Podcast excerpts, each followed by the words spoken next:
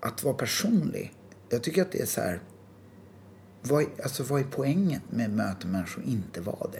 Jag ser ingen poäng. Alltså, Då blir ju liksom ett möte med människor helt ointressant. Alltså, så här, och visst, det finns tillfällen som det inte är kanske nödvändigt att vara det. Mm, Liksom i så här, väldigt så här, korta enkla möten, att man bara betalar hos någon.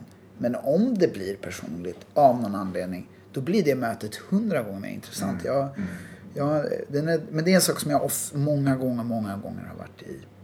Liksom haft långa diskussioner om och varit i konflikter om huruvida det är. Liksom. Sen, sen tror jag att det där är också väldigt mycket ett, så här, ett väldigt tidigt val som man gör.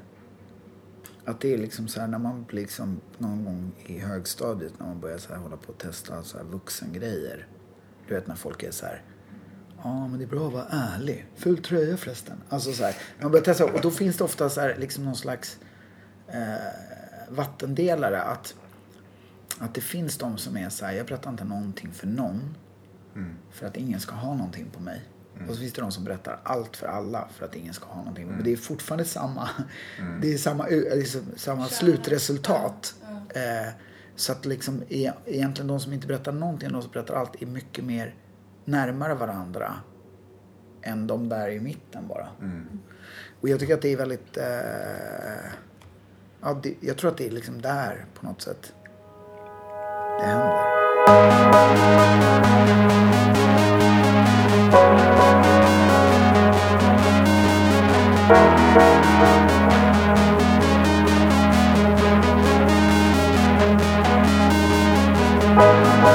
Du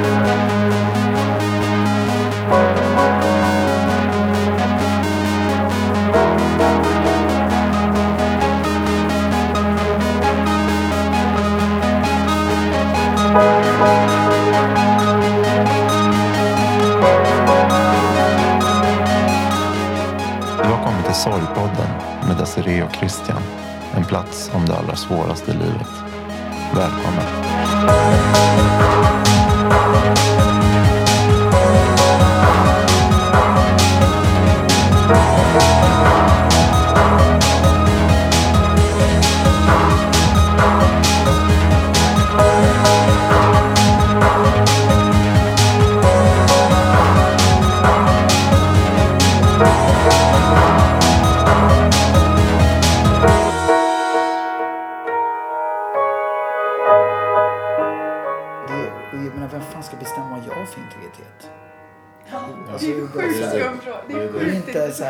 Alltså, det handlar ju om mig. Ja. Det är så exakt. sjukt när folk bara, du har ingen integritet. Nej. Nej men okej.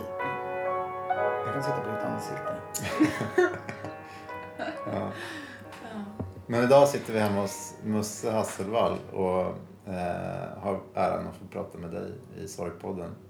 Eh, Och eh, Musse är ju känd eh, säkert för många, dels från tv och kampsportvärlden och även nu på senare tid liksom sociala medier och träning och mycket annat. Men också känd då för att faktiskt ha delat med sig av mycket av sina egna erfarenheter. Till exempel tänka på UR-programmet om mobbing till exempel. Mm, det handlar om dig. Ja.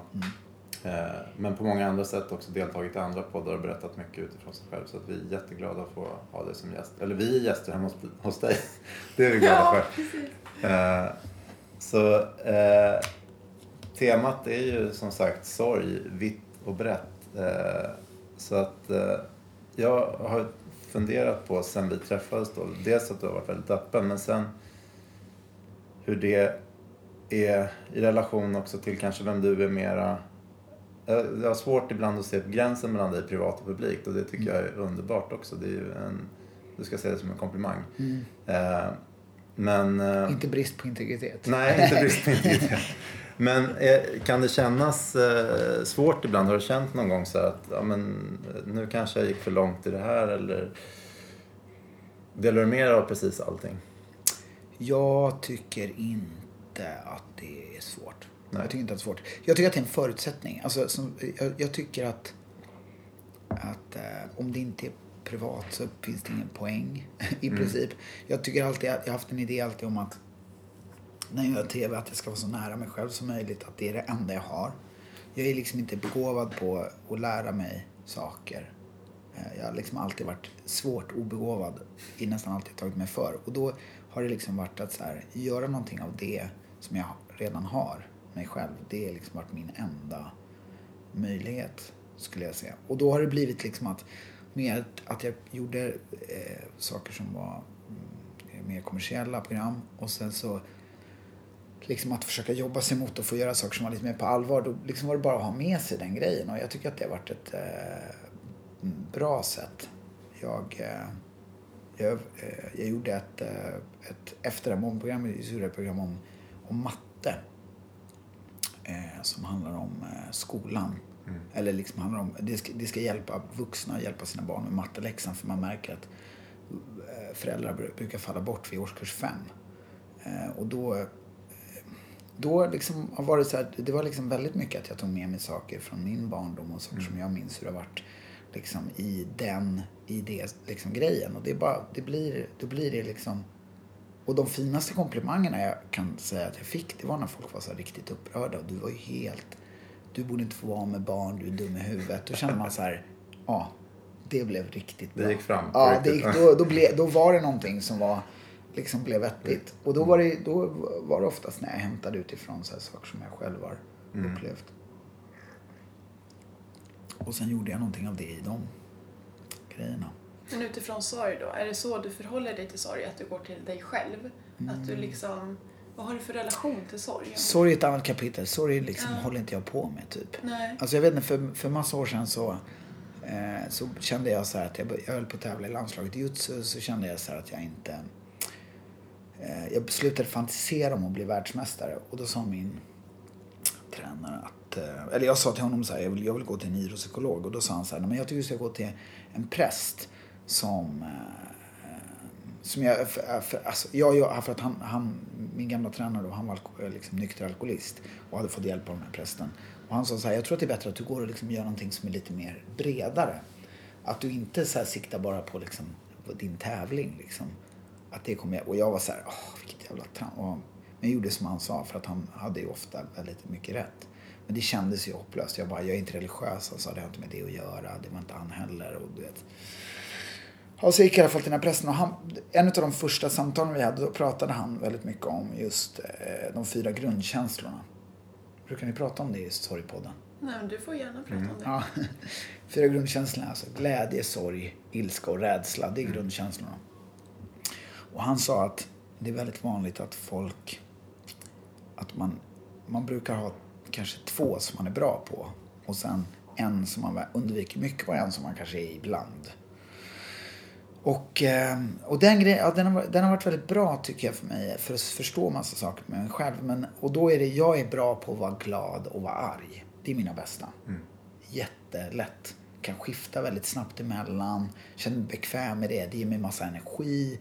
Det känns enkelt och sådär. Men då, vad han sa så här att, var att då är det ju bra, även om du inte är så ofta i sorg, så när du är i det, att du stannar kvar i det och försöker förhålla dig till det till exempel, eller rädsla i mitt fall. Eh, så, och det, det, det var en väldigt, det var väl liksom väldigt eh, träffande. Det tog en stund att liksom klura ut att det var så, för det var ju liksom ingenting eh, man tänkte så mycket på. Och, och min första tanke var då, var, är det bara det att jag håller på liksom, är det bara ett sätt att hålla undan eh, liksom det andra? Och det sa han, det, det, kan absolut vara, men det kan också vara bara att man har lättare, lättare för andra. Det är ju lättare att gå på den vägen som man är mest van vid. Mm. Och så har jag upplevt att det har varit väldigt mycket för mig. Jag är alltså lyckligt lottad över att liksom, glädje alltid kommer först. Och jag är nära till det. Mm. Och sen i någon slags fallande ordning och sist ligger sorg. Mm. När... Och det funkar bra tycker jag. Ja. Om det nu är att jag eh, inte lever ut det då, då kan jag faktiskt leva med det. Ja. Jag är inte så intresserad av sorg om jag ska vara ärlig. Nej. Eller jag är intresserad av att förstå det men ja. det är ingenting jag har lust att vara så jävla mycket i. Nej. Men har du varit i det? Mm. Och i vilka situationer har det varit? Absolut. Då? När har du fått kontakt med den känslan? Liksom? Jag tror att, eller jag menar dels har jag varit lite mer i kontakt och, och lytt hans råd. Det tog ganska många år innan jag kanske började göra det men, men jag har eh, varit väldigt mycket mer i det på senare Senare år har jag varit väldigt mycket bättre på det och jag hade framförallt efter en relation som tog slut.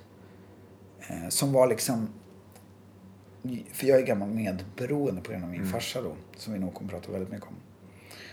Aha, eh, och på grund av det då så har jag varit så här, och jag var väldigt så här, tidigt var som att jag, jag först, alltså när jag, jag stängde dörren på min farsa, inte helt men på det stora hela.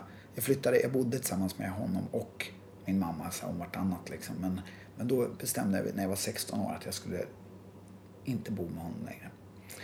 Och då stängde jag lite dörren på det där medberoendet och utan att veta att det var det jag stängde dörren på så blev jag väldigt, väldigt, väldigt bra på att känna igen det. Även om jag inte liksom visste vad det var, jag hade inte hört talas om det innan eller eh, så var det liksom, med tiden förstod jag att det var det jag hade stängt dörren på.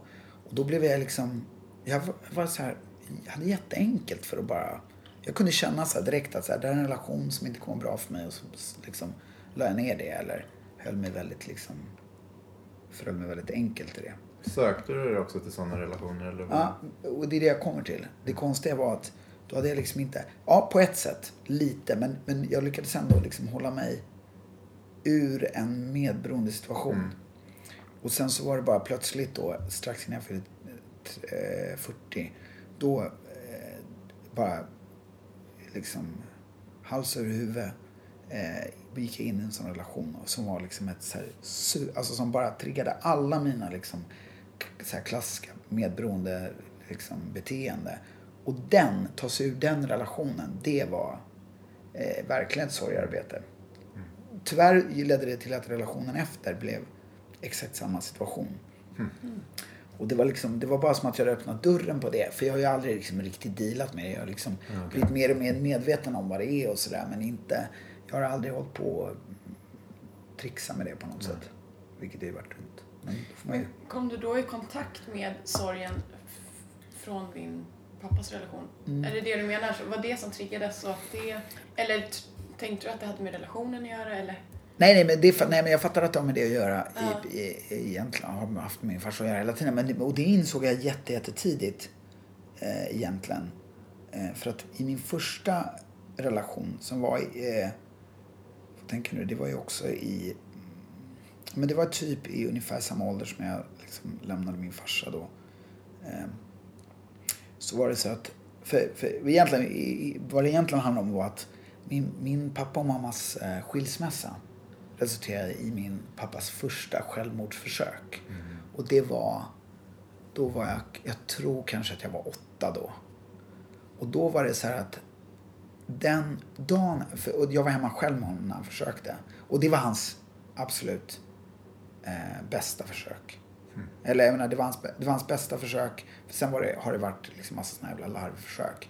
Och sen så, det sista var väldigt bra försök också. Och, men då är det som att han... Och jag minns nämligen dagen efter.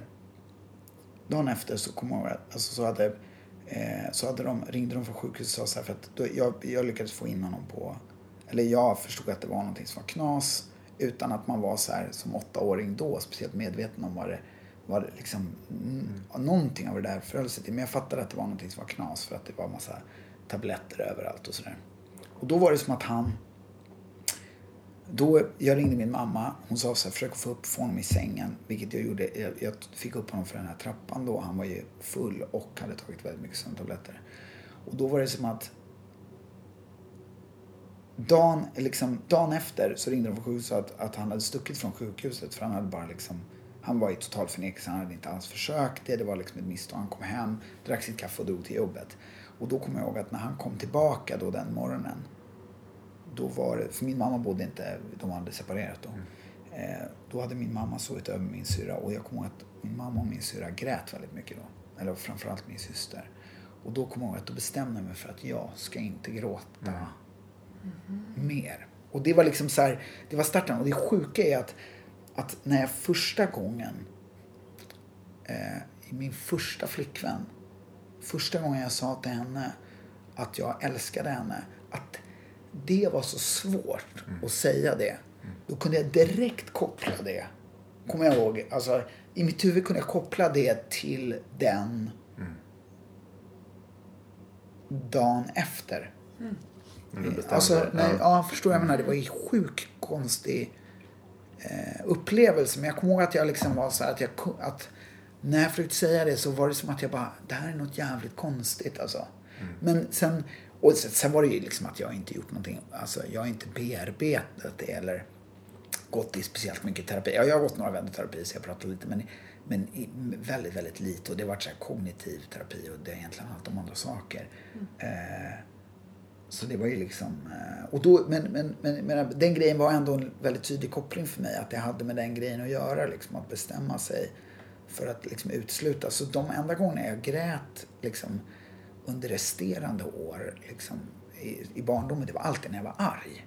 Vilket var så här, hände ganska ofta och var väldigt liksom, blev jättekonstigt för andra barn.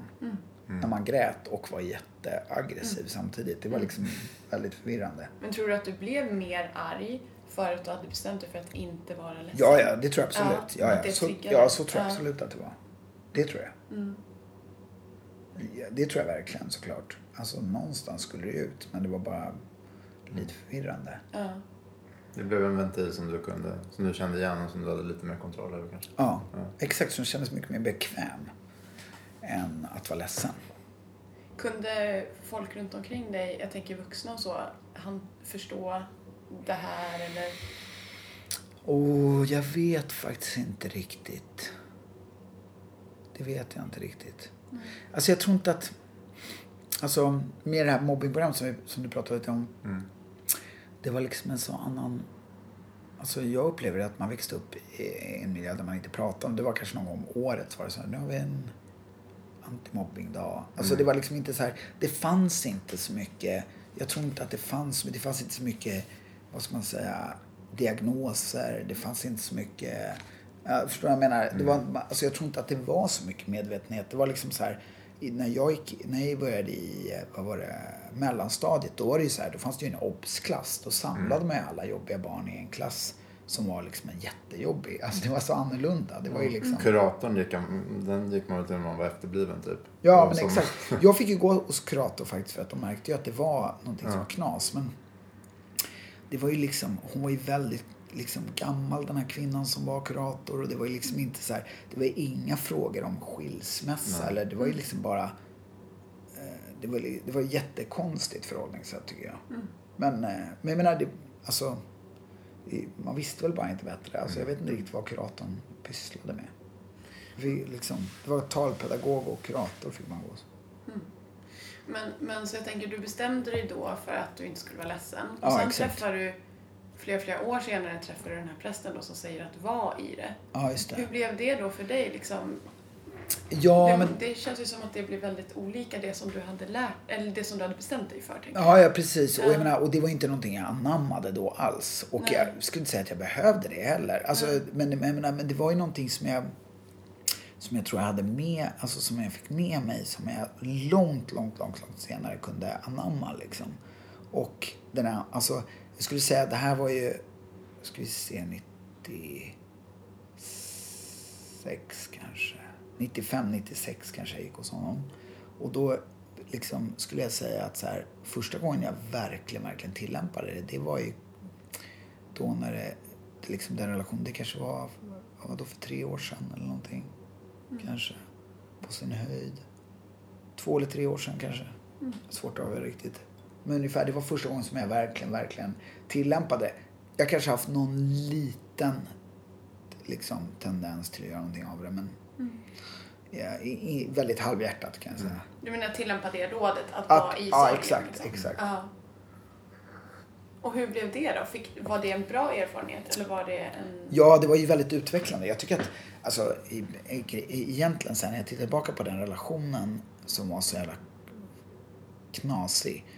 Så var jag liksom, då till att börja med var jag liksom superbitter på henne och tyckte att jag hade blivit illa behandlad. Men alltså, när jag tittar tillbaka på det nu, då kan jag verkligen, verkligen se att alltså jag jag gav henne alla verktyg. Eller liksom, det var jag som gav henne kniven, förskäran, bensågen, bandsågen. och, alltså det var inte det. Alltså jag gav henne alla, allt utrymme. Och jag, tyvärr tror jag att det kanske också var en förutsättning för att vi skulle ha den där relationen. Att det skulle vara så knas, är jag rädd. Eh, det var liksom, alltså både från hennes håll och mitt håll. Alltså det var liksom inte, det var helt orimligt att, att, vi skulle, att det skulle hända annars tror jag. Men, men jag menar, och, och där, av den anledningen så måste jag säga att det var väldigt, väldigt bra. Alltså hur vidrigt det än var så var det liksom exakt vad doktorn hade ordinerat. Jag hade liksom inte... Det kunde inte komma mer lägligt. Alltså. Eller det hade, nog, det hade kanske varit lägligare ännu tidigare. Men eh, det var först då liksom det hände. För att det låter ju som när du berättar om de här sakerna att du faktiskt har bearbetat det. Fast du själv säger då att du inte har gjort det rent professionellt eller hur man... Det har jag inte Du har gjort. Nej, inte Någon professionellt. kvalitetsstämpel Nej. på det. Men, Nej, du det har har jag inte fått. Ja. men det behöver ju inte vara liksom, den Nej. enda lösningen heller. Eller att man måste Mm, gå i, i många timmar terapi hos något Nej. proffs. Eller, Nej, det är klart man inte behöver. Och jag, menar, och jag tror att, men jag, menar, men, men det fin, jag upplever att ibland och emellanåt har det varit liksom en... Kan jag också känna att det är lite grann ett... Alltså... eh, Det, ibland är det liksom som att det finns något litet problem med att man har så lätt att prata om det. Att det... eh, liksom att man att liksom analyserat jättemycket. För det, man kan ju ibland ta det lite för långt och tro att man har kommit längre än man har gjort. Okej. Förstår vad jag menar? Så ibland så kanske så skulle det kanske vara, vissa grejer kanske skulle behöva formuleras annorlunda liksom. Och jag menar, och, jag menar det gjorde ju det väldigt mycket. men Det tog väldigt lång tid innan jag kunde göra någonting av det. Men det finns ju vissa sådana här tillfällen som jag kan komma på liksom där jag har det, bara, det tar en stund att liksom processa det och sådär och sen så verkligen göra någonting av det. Men får jag fråga en sak? Ja. Där, den, jag återgår till den där dagen med din, när du såg din mamma och din syster gråta. Ja, just det. Var du själv ledsen då? Eller var det att du inte ville bli ledsen för att du inte ville vara ledsen inför dem? Alltså kände du att du var Nej men det, alltså jag kände bara liksom att då kände jag att så här, nu fick det vara nog med det. Alltså, men det var ju också för att man kände att man behövde, nu behövde man ju hantera den nya situationen, att alltid vara, så det liksom jag och min syster byggde upp ett system där vi liksom hela tiden passade vår pappa. Okej. Så att det var liksom att, då blev det liksom, vi hade ju varit redan lite inne på det i skilsmässan, att vi skulle vara varannan dag. Så vi delade nästan alltid på oss. Så att vi var alltid, men då under en lång period var vi båda två väldigt mycket med honom. Och sen så var det som att vi, vi försökte alltid, eh, vi såg alltid till att han inte var själv liksom. Och, eh, så det var ju mer ett sätt att liksom kanske så här kavla upp armarna och försöka vara så här beredd på vad som skulle kunna komma liksom. Men då, jag skulle nog säga att, alltså visst man kanske var i det var ju lite också att man kanske inte riktigt hade tid att vara i sorg utan man var ju mer kanske ute efter att vara, alltså man var, man, det, det var ju, det handlade kanske mer om att undvika rädslan liksom. Eller det, man drevs väldigt mycket av rädslan. Och det är därför jag tror att jag långt senare, för jag var väldigt, väldigt, väldigt rädd som barn. Liksom, alltså både innan det här och framförallt efter då. Men det är nog därför jag liksom nationaliserat bort rädsla också. Att jag liksom försöker, att jag inte är så sugen på att vara i det. Så det håller jag inte på med så mycket heller. Men, men, men då var man liksom... eh, Du var i konstant krisberedskap liksom, Ja, som, exakt. som barn Ja. tillsammans med din syster. Mm. Precis. Men skulle du vilja vara mer i Rädd. rädsla och i sorg? Alltså Nej, mer menar- kontakt med det liksom så. Ja, men jag menar, nu när jag var det i den här senaste relationen, Ja. eller inte den senaste relationen, men då var ju det väldigt, jag kände ju att det var väldigt utvecklande. Det var en väldigt utvecklande relation.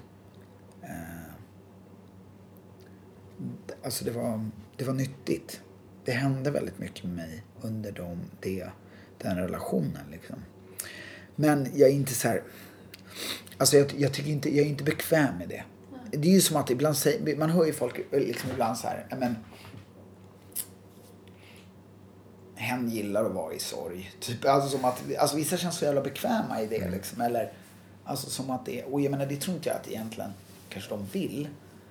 Eh, Men det är bara att det beror, alltså det beror på vad man är kv- bekväm i. Och jag är fortfarande inte liksom svinbekväm i det. Eh, Jag är inte...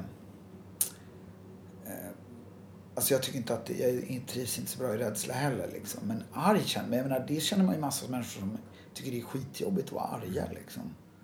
Och tycker att det är jätteobekvämt. Det tycker jag är liksom toppen alltså. Det är jättebehagligt tycker jag. Alltså, ja, det är skönt. Arg och glad. Men jag menar, men jag som sagt, jag är ju turen att vara mest glad. Att det är så nära till hands för mig så att eh, då, jag, jag ser inte riktigt varför jag skulle ha på att välja något annat. Nej. Om det inte absolut behövs. Faktiskt. Svarade jag på din fråga?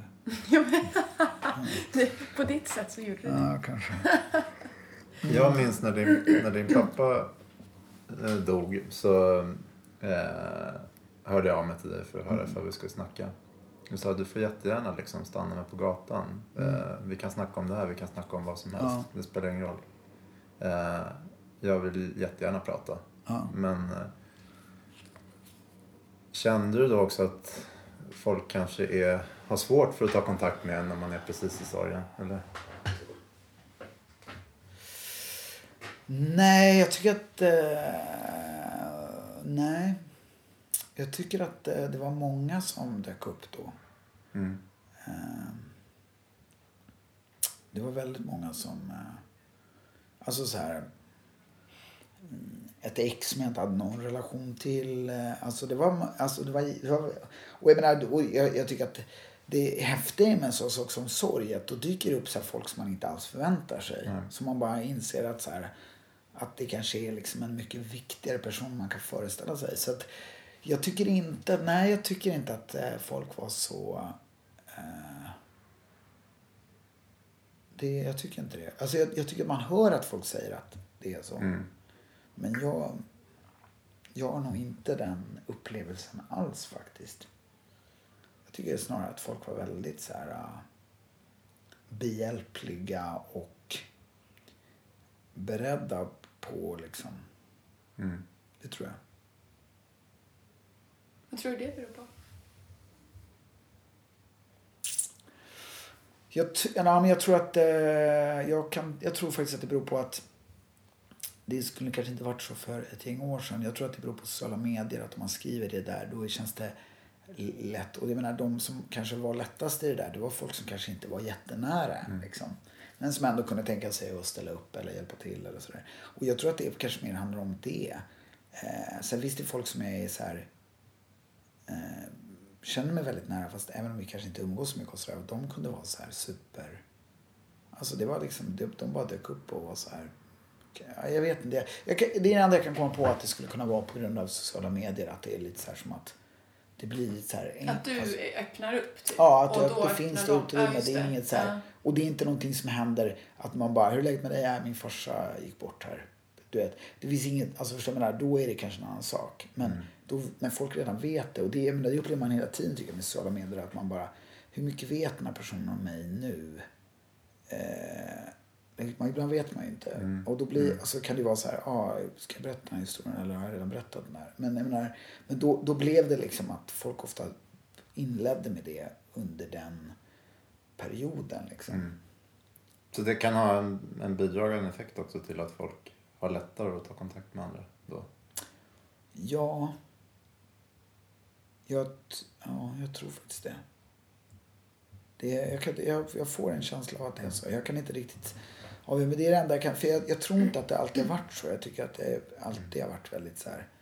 Framförallt kring död. Så där, att folk har varit väldigt så här, försiktiga. Och att folk har snarare kanske försvunnit Mm. eh, i sådana sammanhang. Men jag tror att i det här fallet så har det nog varit... Alltså nu ser det annorlunda ut. I alla fall om man är så att man på något sätt skriver om. De har ju verkligen öppnat upp för...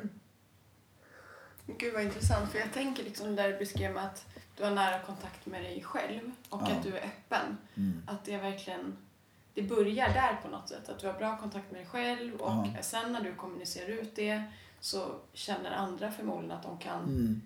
menar att du bjuder in till det. Ja, Och jag tänker att vad det kan vara hjälpande, liksom att veta att shit, jag kan, även om man är den som är i sorg så, så kan det hjälpa andra att hjälpa dig. ja, Alltså att kunna indirekt be om hjälp Ja. fast det inte är det man gör.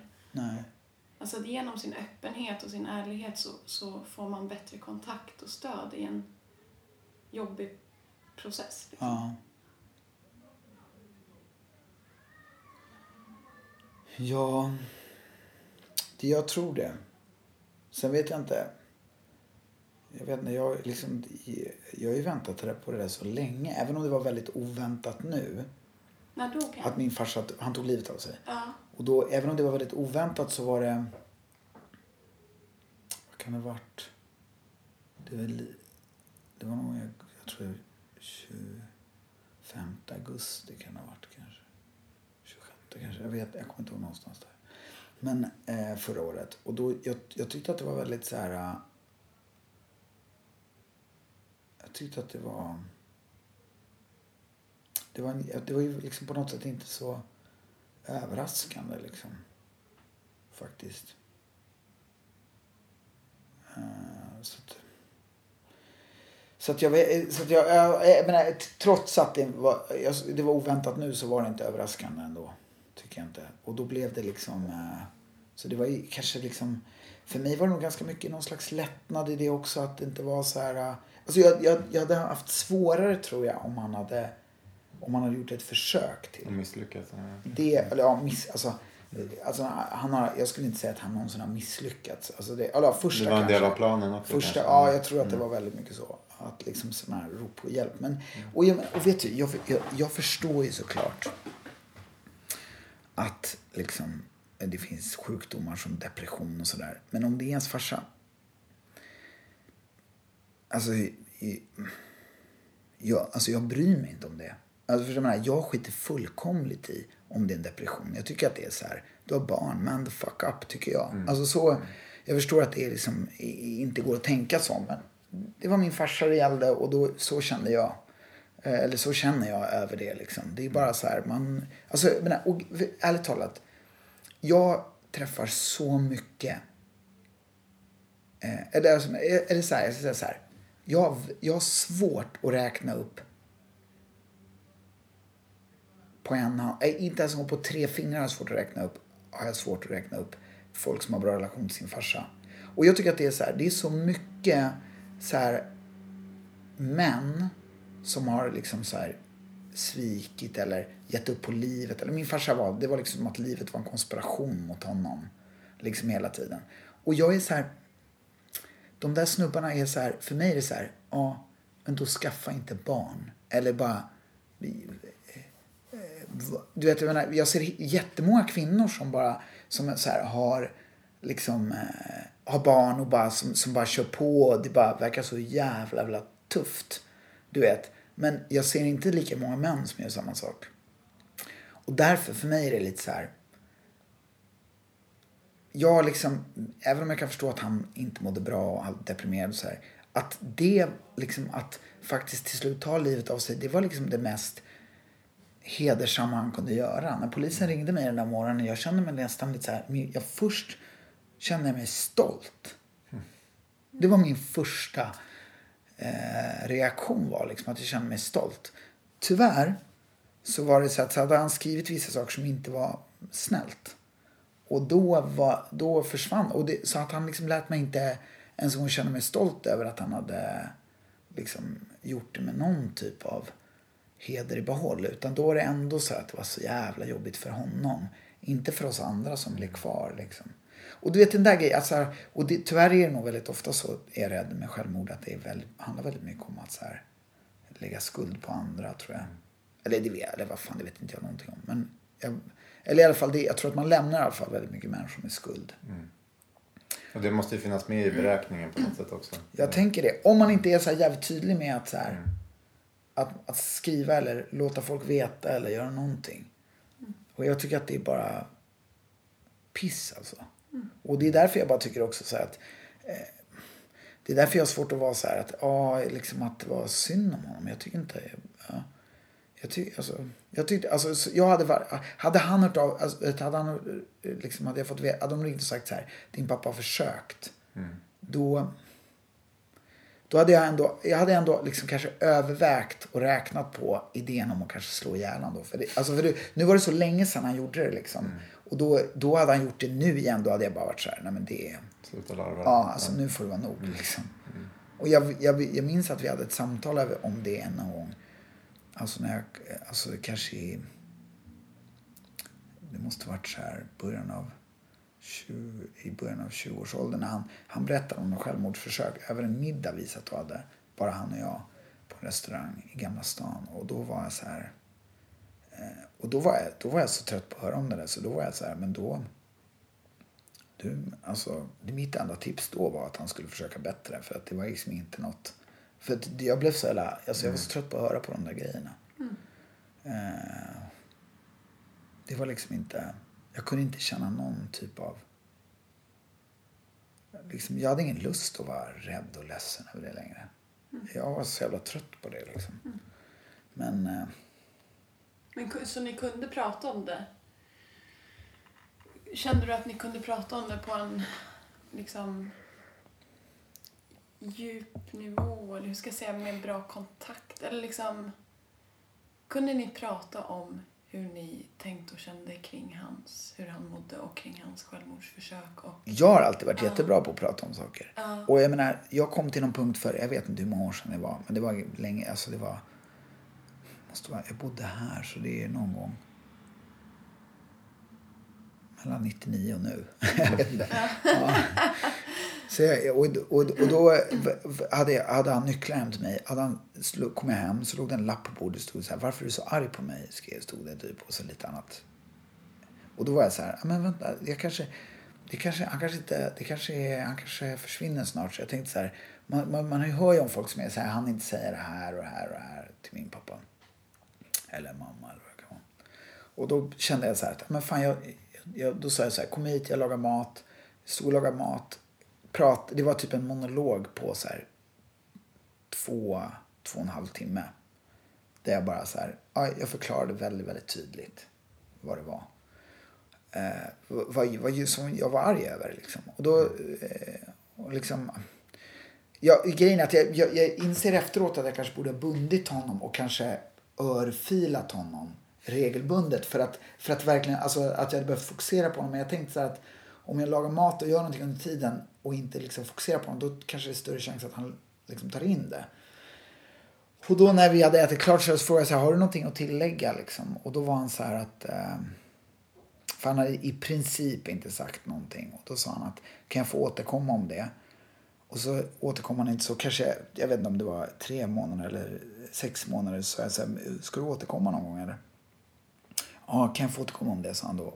Och så tänkte jag så här, fan jag, jag tar in honom en gång till, gör samma sak, jag gjorde precis samma procedur. Men det är där jag menar att jag kanske skulle bundit honom istället. Eh, f- för att jag tror att jag hade behövt liksom kanske titta på honom hela tiden. Och se, för att man, jag vet hur han ser ut när han tappar. Men jag tänkte att det kanske var mindre obekvämt. Så drog jag precis samma grej. Det gick lite snabbare nu för nu hade vi repat en gång. Och då, liksom, så, så då körde jag precis samma historia. Och, så, eh, och sen var han så här, äh, ändå så här att han bara...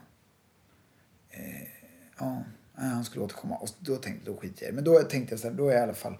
Då har jag gjort det där som alla pratar om att man ska göra. Att få det, det du behöver sagt innan de försvinner. Så, men det var inte till någon glädje. Sen så hade vi en diskussion, eller så hade vi ett, ett annat tjafs om något helt annat. Långt senare. Och då hänvisade jag till de här samtalen. Och då tjafsade de om en grej som jag hade lånat av honom som han kom ihåg att jag hade. Eh, vilket var ganska orimligt. Eh, men däremot kommer han inte ihåg de här samtalen. Inte något utav dem. Han har ingen minne om att vi hade haft de samtalen. Och då var jag lite så här, "Åh, Så när han dog, då, dog förra året, då, det låter inte som att, eller kom det massa sorg då eller var det mer, du sa ordet lättnad och, Mm. eller ilska eller bitterhet eller liksom vad? fan nu får ni inte ihop den här podden. Ja, jag bara, nu måste vi Ja, prata kan- om sorg. Kan vi göra någon sorg av det här? Ja, jo men absolut. Får Det byta var, namn Vi på får byta namn. det var deppigt. Eh, Mussepodden. Ja.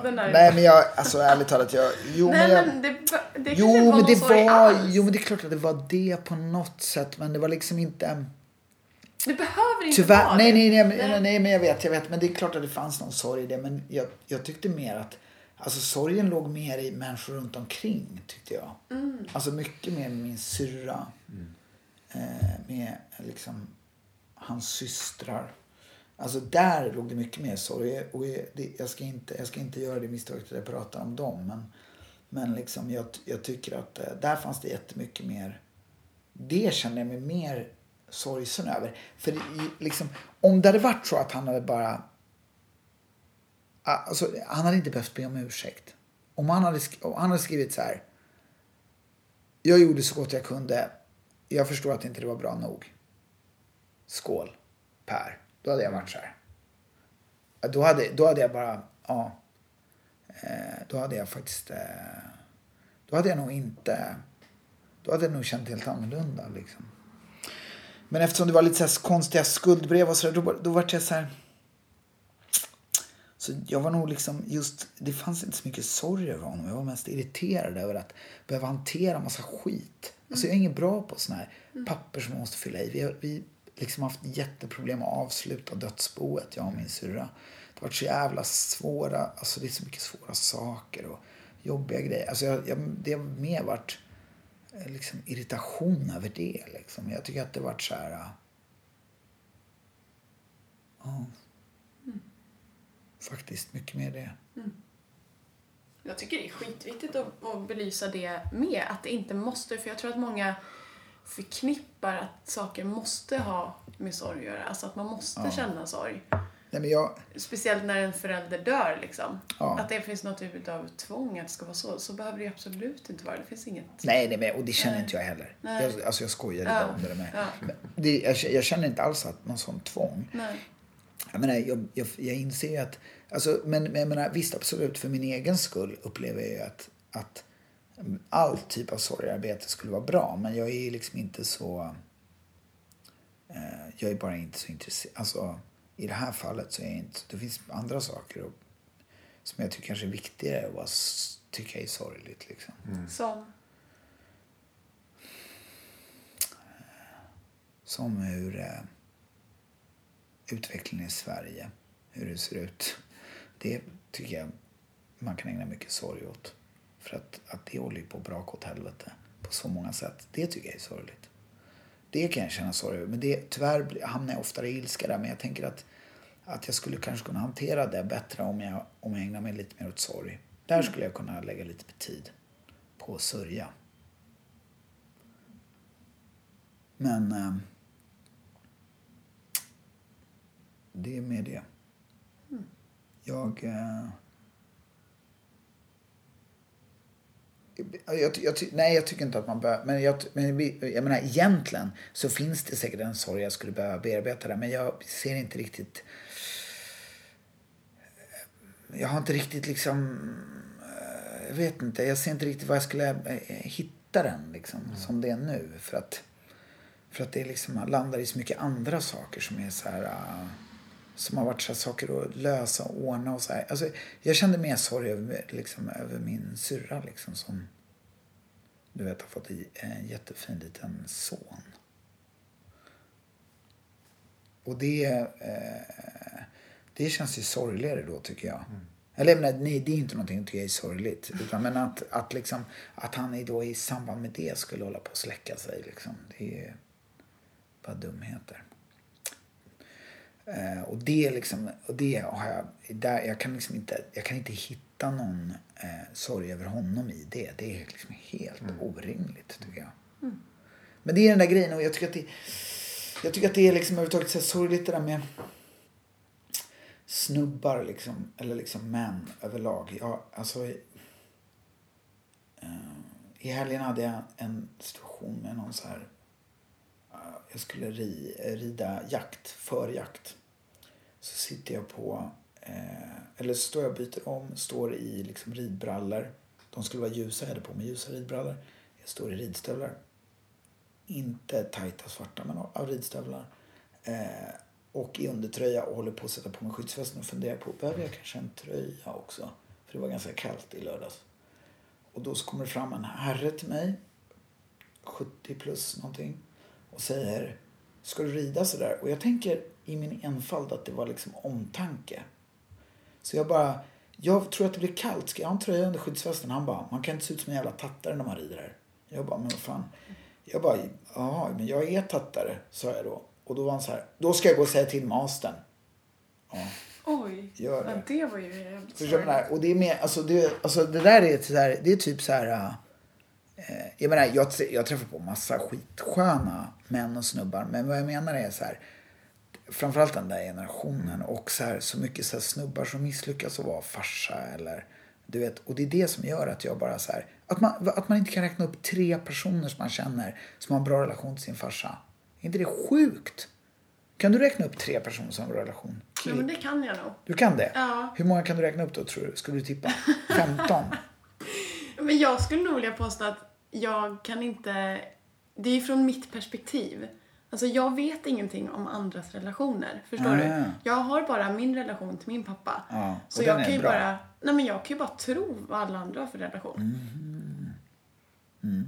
Så att därför känner jag att jag kan inte uttala mig om hur alla andras relationer är. Jag kan bara säga vad jag ser och tror. Och det känner jag inte Det ser bra ut. Nej, ibland ser det bra ut. Ibland ser det bra ut och ibland ser det mindre bra ut. Men man får ha respekt för alla olika relationer liksom. Ja, ja, det är klart man får ha det. Men jag menar bara, ja. Har du bra relation till din farsa? Ja, både och skulle jag säga. Ja. Nej, Jag skulle inte säga att den är, det är inte alltid. Nej. Och har inte alltid varit heller. Väldigt bra. Nej. Det... Och jag skulle nog vara beredd att hålla med dig också i mångt och mycket. Speciellt en viss generation. Ja. Det, jag, tror, jag tror och hoppas att det blir bättre. Ja. Framförallt försöker jag vara det med mina egna barn också. ja. Och jag, Det...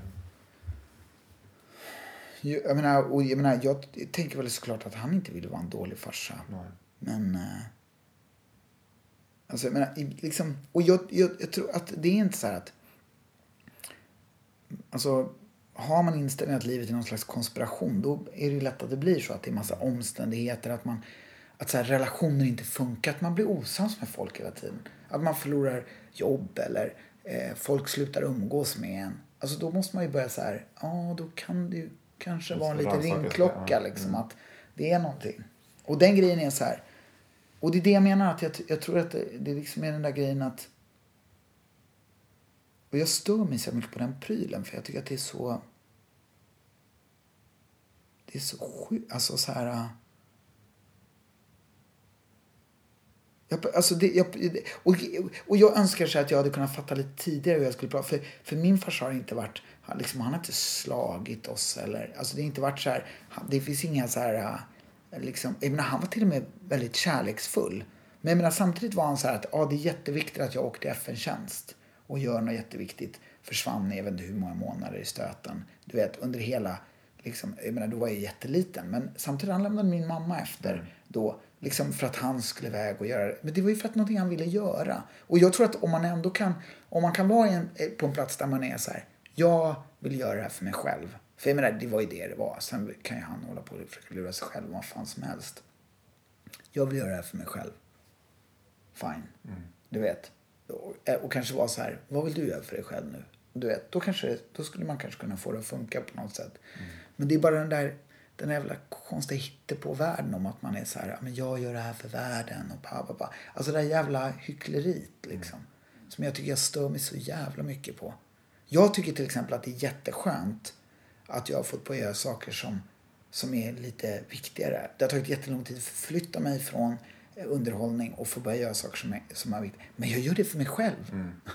för att jag mår bättre av det. Ja. Alltså, det är inte, alltså annars hade jag inte... För, för, för jag tjänar mindre pengar på det i regel för att jag jobbar för Utbildningsradion. Det är lite mindre pengar där i de budgetarna. Och då, men men jag, jag tycker att det är, men det är, det är för mig själv. Alltså, sen tycker jag att det, det känns mycket mer meningsfullt. Men jag, alltså, jag lever inte någon idé om att det är eh, liksom för att rädda världen. För det är bara, och det är de där grejerna jag stör mig så mycket på.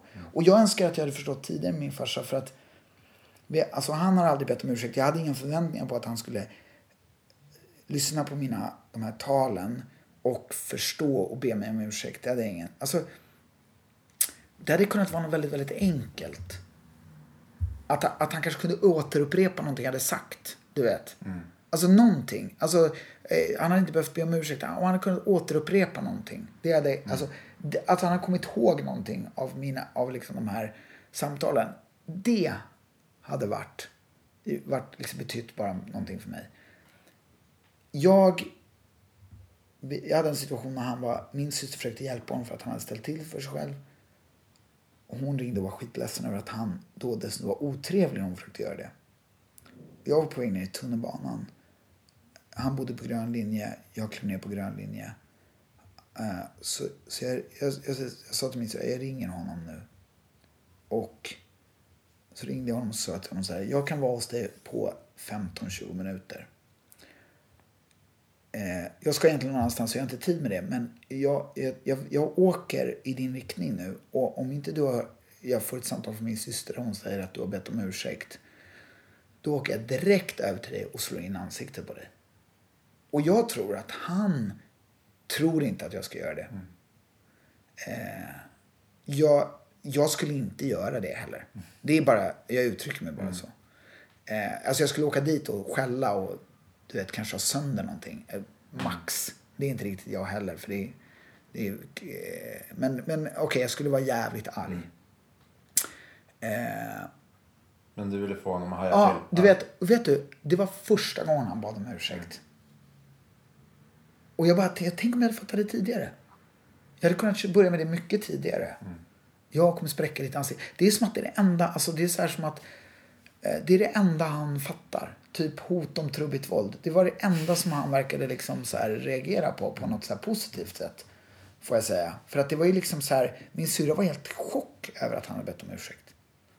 Och kändes det då som att det liksom kom från honom? Eller kändes det som att Det har jag ingen aning Nej, om. Men nej. det, jag menar, hon, Effekten var, hon var chockad över Ja. att han bad om ursäkt. Och det var verkligen på sin plats. Mm. Sen om han eh, menade det inte, jag har ingen aning. Alltså, du vet, Det kanske inte spelar någon roll. det, alltså, men det var bara, det var ändå det, liksom det närmsta vi har kommit. Mm. Någonting sånt. Och som sagt, jag, liksom, jag, jag, alltså han behövde det. För jag, det är många som har frågat mig, vadå, vad förväntade du att han skulle be om ursäkt när vi hade pratat och haft de här samtalen? Och det har jag liksom, det hade, första gången jag fick den frågan så var jag nog lite så här, nej, det visst det hade jag kanske gjort då, men eller jag vet inte någonting, men det, jag vet, det hade inte behövt så jävla mycket tycker jag. Nej. Eh, det hade inte behövt så jävla mycket. Liksom, ja, alltså... Mm. Jag tycker jag sitter kvar i tanken hela tiden på det du sa där precis i början. Eh, om att på något sätt rent intellektuellt tolkar det som att du fattar att han var eller led av psykisk ohälsa. Ja. Men det är inte intressant överhuvudtaget för att du landar direkt i den andra Ja, liksom, ilskan och ja. jag, jag tycker det var, jätte, det var jättespännande. ja men, och vet du vad, jag, jag, jag, och jag tror att det är liksom så här... Eh, jag, alltså... Jag menar, och jag känner ju folk som är deprimerade som jag liksom känner med. Men vad det min farsa så har jag liksom jävligt svårt att, att liksom göra det. För att jag... eh, Men, för att jag tycker att... Jag tycker att han liksom bara gav upp. Det var liksom, jag såg aldrig en, en tillstymmelse till att försöka eh, någonting annat. Har det att göra med att ta ansvar? Liksom, för att Ja, ja han- verkligen. Att han jag var menar, din förälder. vadå, vi liksom. tog ansvar Ja. för honom Ja. från det att min syster var sju och jag var åtta. Då tog vi ansvar för honom. Mm. Vi var liksom, såg till att han inte var själv. Mm. Vi liksom hela tiden förhöll oss till honom. Så jag menar, även om han absolut krökade så var inte det liksom det var inte det stora problemet. Även om han fattade att det var fel och att det inte var bra så var han ju nästan oftast lite skönare när han var lite packad. För då upplevde man, då det fanns det någonting som påminde om glad. Liksom. Och, men, men däremellan var det liksom eh, var det jävligt... eh, Då det var bara jävligt... Och det är det jag menar. Jag, jag, alltså det är lite så här... Oh man the fuck up. Det, är alltså, det är bara så här... Det är inte... Men det är, det är, det är liksom... Det är det jag fan... Jag har så jävla svårt för det där när folk... Och jag tror att... Jag tror att jag... Grejen att jag har ju det där i mig också. Säkert att jag... Eh, liksom, jag försöker undvika det väldigt mycket men att jag har ju det i mig också säkert att det, det finns massa, jag vet en period i mitt liv, framförallt när jag jobbade med reklam, då såg jag också väldigt mycket omständigheter i saker och att liksom, vet, jag fick på. inte det där jobbet, det fanns massa grejer att skylla på, det var inte, men liksom eh,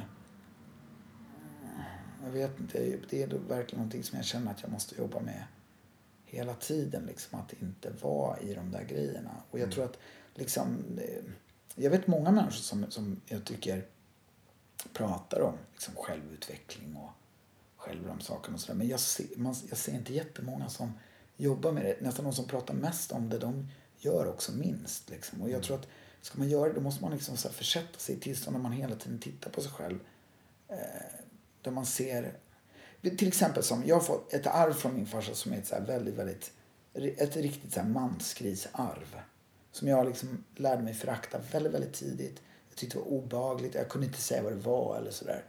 Men det är en sån grej som jag långt senare har fattat när jag återupprepat saker som han har gjort.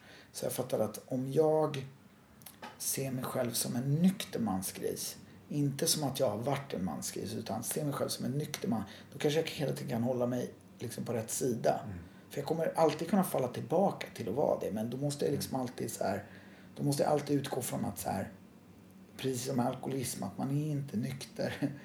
Alltså man, eller vad säger man, man kan vara nykter alkoholist, men man kommer alltid vara alkoholist. Mm. Och det är samma sak, det är som med mobbare. Som mobbare så kommer jag alltid vara en mobbare. Men jag kan välja att vara en nykter mobbare, mm. eller så kan jag vara en aktiv mobbare.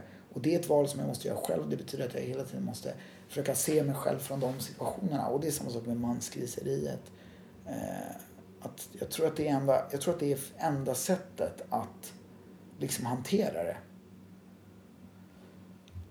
Faktiskt. Mm. Och det tror jag... Nu säger jag inte att min farsa på något sätt pratar om självrannsakan och tittar på sig själv eh, nyktert. För det, det, var, det gjorde han aldrig. Mm. Eh, men jag menar, jag ser andra människor som håller på så som liksom torskar jobb och blir osams med folk och det ena med det tredje och inte ser att de är en del av det. Men så är de duktiga på läpparnas bekännelse. Att de skulle vara duktiga på självinsikt och mm. de snackar mycket om det. Ja. Men de praktiserar det inte. Så därför är, alltså, det handlar, och det är det jag menar med att man ska hålla på med det. Mm. Man ska inte prata om att man är duktig på det. Nej. det är liksom, för så fort du börjar säga så här, fan det här gör jag ganska bra nu. Då, kan man, då, då hoppar sanningen upp och biter i arslet. Då har man inte kommit någon vart alls. Alltså. Mm. För då har man börjat ge upp. Då känner man att man är så klar. Liksom. Jag tänker det är ingen idé att prata om den. För gör Nej. man det så behöver man inte prata Nej. om det. För då ser ju folk att man gör det. Mm. Eller, eller problemet är, tror jag, det är inte att det inte syns. Förstår du vad jag menar? Det är det, alltså, om du bara gör rätt, då, då finns det ingenting att prata om. Nej, just det. Och den förändringen är någonting man måste göra i mm. tysthet med sig själv. Mm. Man kan inte förvänta sig att någon... Mm. Jag var tillsammans med, en, alltså, som jag skulle säga, kanske min viktigaste relation. Eh, eller, jo men på, på ett sätt. Eh, eller viktigaste var det inte. Det var fel att säga. Det var mer att det kanske är, eh, det kanske är en utav... Eh, ja men det var liksom väldigt, väldigt... Eh, ja men det, på, på något sätt så var det liksom den liksom bästa relationen på ett sätt. För att jag kommer ihåg att eh, hon eh, liksom drack jävligt mycket. Och vilket, på den tiden drack inte jag när vi blev tillsammans. Eller gjorde jag det? Eller jag kanske började dricka ändå, men jag drack inte på tio år. Jag hade nog kanske börjat dricka då, men jag det tog väldigt lång tid för mig att komma upp i fart och dricka på något normalt sätt efter jag började dricka igen. Och jag, då var det så att eh, ganska kort in på relationen så kände jag så här, fan du, du dricker för mycket, jag pallar inte den grejen. Och, eh, för att, och och då visste hon ju redan lite grann om min farsa och sådär. Och jag var så här, jag kommer ihåg att jag fick inget gensvar i den diskussionen. Alltså jag har alltid varit så väldigt lätt att prata om mina känslor och känslomässigt smart och lätt att uttrycka mig och sådär. Men jag fick ingenting tillbaka. Det var ingen, vi pratade inte om Utan det var jag som pratade om det. Och så tänkte jag så här, ja men då, det här kommer att ta slut. Alltså snart måste jag bara göra slut på det här för det kommer inte bli någon. Och sen så var det så här, så kanske gick en månad, kanske lite mer. Så jag bara märkte jag att det var sån, hon hade liksom verkligen börjat förändra det där. Mm. Drack mycket mindre. Och jag var så här, vad fan, alltså och grejen är att hon sökte liksom ingen bekräftelse Nej. för det. Hon var inte så här, har du tänkt på att jag inte drack? Alltså så som jag själv alltid skulle göra när jag försökte göra någonting, förändra någonting. Då har jag varit så här, mm, kolla. Ja, kolla nu gör jag det här som du. Sen så kunde jag dagen efter bara inte göra det. Liksom. Och det var så jävla coolt tycker jag. Att det var bara så här, det pratade, hon försökte ingen bekräftelse för att hon gjorde det. det. Vi pratade inte mer om det utan det bara blev en förändring. Och det tror jag är liksom Då kanske det kan... Då kanske man kan göra någonting åt den här typen av saker. Mm. Vad säger ni, ska jag lite mer te och kaffe eller? Åh gud. Jag tänker att vi... Vi kanske börjar bli klara. Ja, precis. Ja, Jag, tror, jag tror inte att jag har jättemycket mer om jag ska. Nej, jag är jätte, jättenöjd och jättemätt. Ja, Mätt, eller matt. Matt. Eh, är det någonting som i det här som du, om du kokar ner det till någonting som du vill ge till våra lyssnare som en liten present så här, liksom, så här, eh, wisdom words av Musse? Ja, men då är det väl eh, prästen Ingmars ord om att alltså, alltså när man hamnar i sorg, var kvar i det. Mm. Inte, jag tror inte för länge, men alltså, men alltså liksom verk ut den. Jag tror att den var väldigt bra. Det, jag tyckte att efter den där relationen du gjorde, då hade jag liksom en väldigt lång period när jag var så här. Jag gick upp på morgnarna och red vid så här, jag gick upp vid sex tiden, red och så höll jag på fram till tio. Eh, och då var jag inte i sorg. Och sen så bara, typ, när det började närma sig lunch, då klev jag på sorg. Och så höll jag på med det hela liksom, dygnet fram tills det var dags att rida igen. Och så höll jag på så i jag vet inte hur lång tid. Och det var, det umgicks inte så mycket folk. Jag har alltid varit jättedålig på att vara själv. Var nästan bara liksom jättemycket ensam. Det var, det var, det var väldigt, väldigt, det tror jag väldigt mycket på. Men man får inte fastna i det. Och sen ett annat bra tips. Eh, hot om trubbigt våld när det gäller en viss generation män. Funkar jätte, jättebra. Eh, det är... Då vaknar de till. Ja, faktiskt. Det var... Eh, Den ska jag spara på. Ja, den är liksom, den är, alltså ibland, alltså, eller om man inte, om man inte känner att man kanske kan backa upp det så kan man bara använda jättemycket kanske så här, könsord och sånt som de tycker. Alltså de som de tycker att man inte ska hålla på och prata på det sättet. Det brukar också hjälpa. Alltså, man kan kalla dem horgubbe typ. Det brukar vara jätteobekvämt. Men alltså bara någonting någonstans där de blir riktigt obekväma. För man kanske måste kunna backa upp lite om man vill hålla på och ho- hota om våld. Att det kanske, de kanske kan bli våldsamma då. Men, Du men tycker jag ser klen ut, eller? Nej, nej, nej, nej. Nej, nej men, jag menar, men det, det, och det, det, alltså någonting som i alla fall väcker dem ur deras dvala. Det brukar faktiskt vara, det tror Man jag är måste väldigt bra. få ur dem ur comfort zone. Ja, Ja. det, det, det kan vara väldigt, Sparka dem på smalbenet. alltså Rent, någonting så att ja. de bara helt så här vaknar till liv. Då kanske de kan, då kanske de kan ta in någonting. Men ma- alltså, räkna inte med några stora förändringar. Jag tror inte de kommer ta in mycket. Jag tror inte de kommer komma ihåg det till nästa gång. Men jag tror att det kanske på något sätt ruskar om dem. Mm. Ett förmodligen inte så PK-tricks. Men eh, Du känner att det har funkat för dig? det har funkat skitbra. Jag har fler exempel på det, men det är inte den här podden. Det är Hot om våld-podden. Hot om trubbigt våld-podden. Ja. Ja, men det, det är väl bra rekommendationer att fundera på. Mm. Är det någon som du skulle vilja lyssna på i Sorgpodden? Eh, Det kan vara en, en namngiven person eller någon som... Ja, Jag vet inte vad han har på ämnet riktigt. Eh, men jag tycker att någon som är så jävla bra på att uttrycka sig, som är rolig. Jag tycker väldigt mycket om att lyssna på, som har backat upp mig många gånger. Det är Illy Latifi. Vet du vem det är? MMA-fighter. okej. Ja. Alltså han är, han är riktigt bra på att uttrycka sig i den här typen av grejer och liksom har ofta väldigt mycket fina saker att säga och ja, men är väldigt skarp. Han skulle, han skulle jag gärna lyssna på. Eller jag har ju redan lyssnat på honom ganska mycket om det här, men jag, jag tror att många andra skulle vara med det. Grymt. Tack så jättemycket.